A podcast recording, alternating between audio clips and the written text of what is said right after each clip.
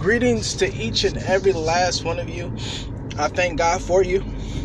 And I'm currently, I just want to simply start off with a word of prayer uh, for each of you who are tuning in. God our Father, there is none like you. For that reason, I say thank you. Thank you, God, because your word reminds us that you are the source of our help. You are the source of our strength. And there is no other outside of you that can provide that in which we need. So, God, I thank you. Uh, thank you as we have the ability to to live another day. Which simply means that what we didn't get right yesterday, God,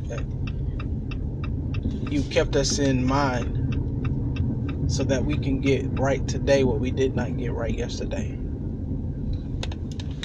God, I ask that we would, uh, that someone would begin to look towards you for their forgiveness in something in which they've done that they could not um, get forgiveness of for themselves, but they look towards you because you are the one who can forgive us of all things in which we've committed. So, God, I pray unto you and ask that you will continue to pray for the world. Your son, your daughter, they need you, God. We need you, God. And whatever lot life bestows upon us, allow someone to say it is well with so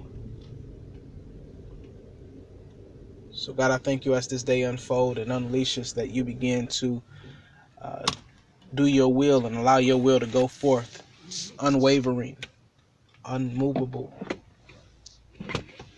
in total full obedience. In your son Jesus' name I pray. Amen.